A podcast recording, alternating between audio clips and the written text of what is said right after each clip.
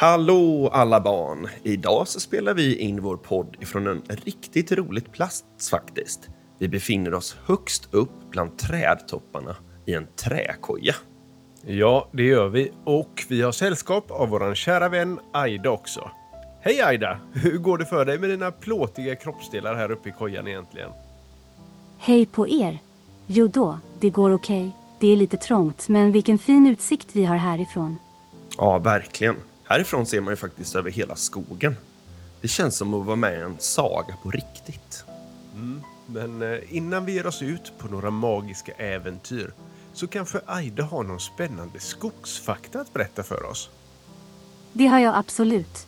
Eftersom vi är omgivna av träd så tänkte jag berätta lite fakta om just träd.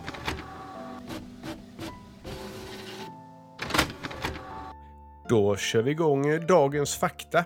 Idag om träd. Visste ni att det finns ett träd som är över 4000 år gammalt? Det är faktiskt sant. Det äldsta trädet i världen är en tall som växer i Kalifornien i USA. Träd kan faktiskt prata med varandra genom att skicka signaler till varandra genom sina rötter och genom luften. Träden i en skog är tätt sammankopplade genom ett underjordiskt nätverk av svamptrådar. Med hjälp av dem så delar de ämnen som till exempel kol, kväve, vatten och hormoner och mer abstrakta meddelanden som till exempel försvarssignaler. Visste ni att det finns träd som kan läka sig själva? Om trädet blir skadat av till exempel en yxa eller ett djur så kan trädet bilda nya celler som täcker såret och skyddar trädet från infektioner och svampar. Det kallas för kallusvävnad och det ser ut lite som en knöl eller en bula på trädet. Antarktis är, det, är den enda kontinenten där träd inte växer på grund av dess extrema klimatförhållanden. Även om vissa små växter kan överleva där så kan inte stora träd det eftersom det bara är för tufft för dem att bo där. Världens mest skogsbevuxna land, det är faktiskt vårt grannland Finland. Och där är nästan 70 procent av hela landet täckt av skog. Så det är ju perfekt för den som gillar att vara ute mycket i skogen. Wow, härlig träfakta. Mycket nytt som jag lärde mig. Tack så mycket Aida. Kul att ni gillade det. Det är extra roligt att få anpassa faktan efter var vi är någonstans. Ja, jag håller med. Det blir liksom mer levande på något sätt. Men vad säger du Aida? Ska du inte hitta på en spännande saga åt oss också? Absolut. Vi har fått in en önskan från ett barn som heter Vind och är åtta och bor i Kalmar. Han skickade in en önskan till oss på hemsidan och skrev att han älskar att lyssna på våra godnattsagor. Roligt va? Han skrev att han önskar att få höra en saga om pojken Vind som var en riktig klippa på att segla. Oj, ja, vad kul! En önskan från ett barn alltså som heter Vind, som vill ha en saga om en annan pojke som också heter Vind och är duktig på att segla. Kul!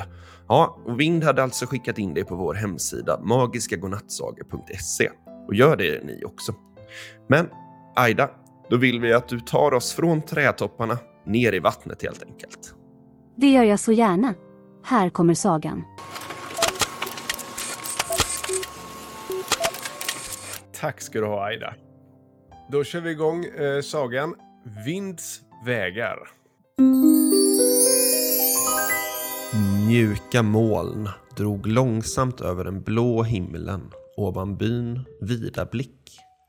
Nedanför de branta klipporna så småpratade barnen medan de lekte vid vattenbrynet. Bland dem fanns den lille Vind som alltid verkade ha huvudet bland molnen. Medan de andra barnen lekte kapplöpning och kurragömma tycktes Vind finna större nöje i att betrakta vindens vägar. Vid en av klipporna brukade Vind ofta sitta och nynna med sina små händer utsträckta. Det var som om han kände en dold kraft i luftens flöden. Ibland då en vindpust kom farande tycktes den lyfta pojken en aning trots att hans fötter var stadigt förankrade i marken.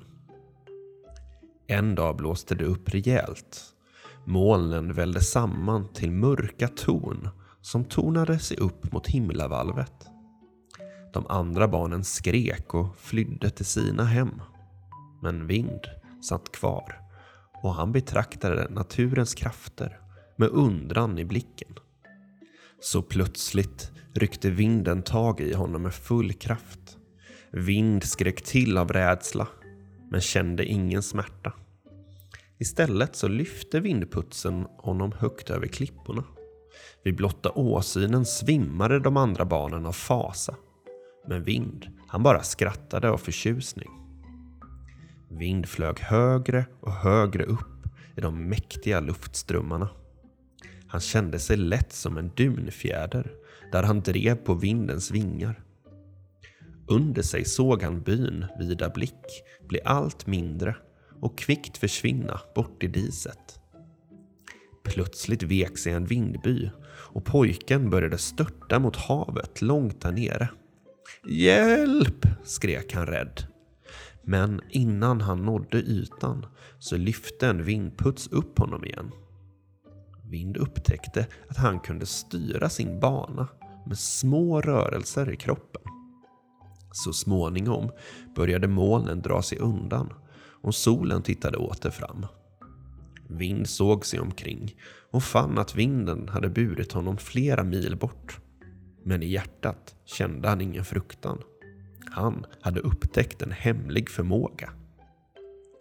Vid hemkomsten så häpnade byborna över pojkens äventyr. Hans mamma ville inte tro på den ohyggliga historien och sa lova att aldrig flyga igen. Vind lovade. Men naturens krafter slumrade bara för att väckas igen. Pojkens gåva hade knappast sett sitt sista tecken än. Åren gick och Vinds gåva blev allt starkare. Medan byborna ägnade dagarna åt arbete så tillbringade han mer och mer tid uppe bland klipporna. Där han lärde sig tyda vindarna som ingen annan. Vid 12 års ålder så kunde Vind känna av det minsta tryckfall eller temperaturskifte. Under en utflykt så såg Vind mörka moln som närmade sig långt utifrån havet. Han iakttog deras oroliga rörelser och visste att detta var inte något vanligt oväder. Skyndsamt återvände han till byn och varnade åldermännen för en fruktansvärd orkan. Trots att de inte trodde på honom så började de till slut att förankra båtar och spika för fönster medan Vind gav olika direktiv. Just som natten fallit slog stormen till med våldsamma vindar.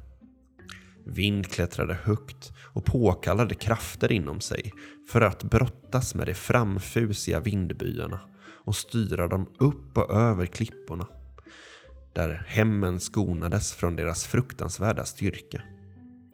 Hela den vilda natten så hörde byborna Vinds rop genom braket.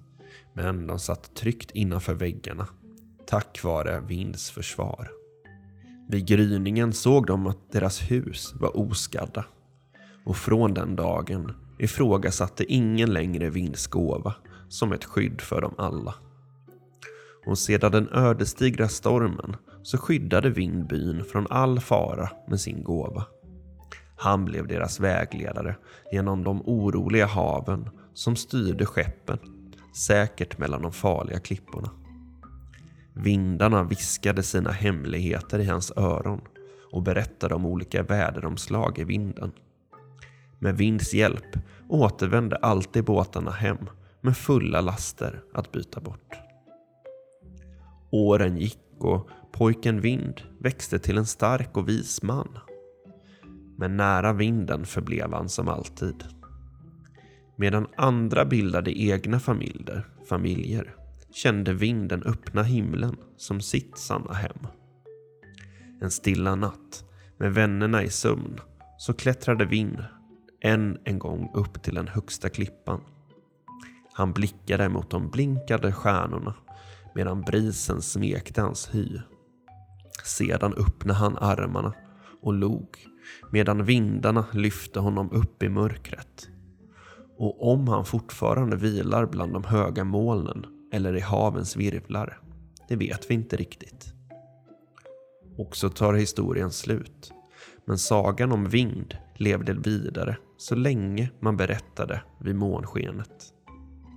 Nu är det dags för er små att sova också. Så må era drömmar bäras av vingar lätta som fjäderdun.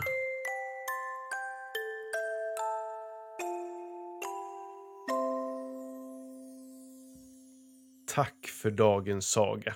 Vad fin den var. Och spännande. Tack så mycket Aida för ännu en fantastisk saga. Och tack till dig Vind för din önskning. Jag är glad att ni tyckte den var spännande. Det är så kul att vara med på äventyr på riktigt. Ja, det här var verkligen något alldeles extra. Men nu börjar det faktiskt bli lite mörkt här så jag tror det är dags att klättra ner och åka hem innan det blir alldeles kolsvart. Ja, du har rätt Niklas. Ja, vi får vänta på fler äventyr tills imorgon. Tack så mycket för att ni hängde med oss uppe i träkojan idag. Vi hörs snart igen. Ja, det var toppen att få vara med på ett riktigt äventyr. Vi ses snart igen. Ha det så kul! Sov så gott! Så gott, hej då!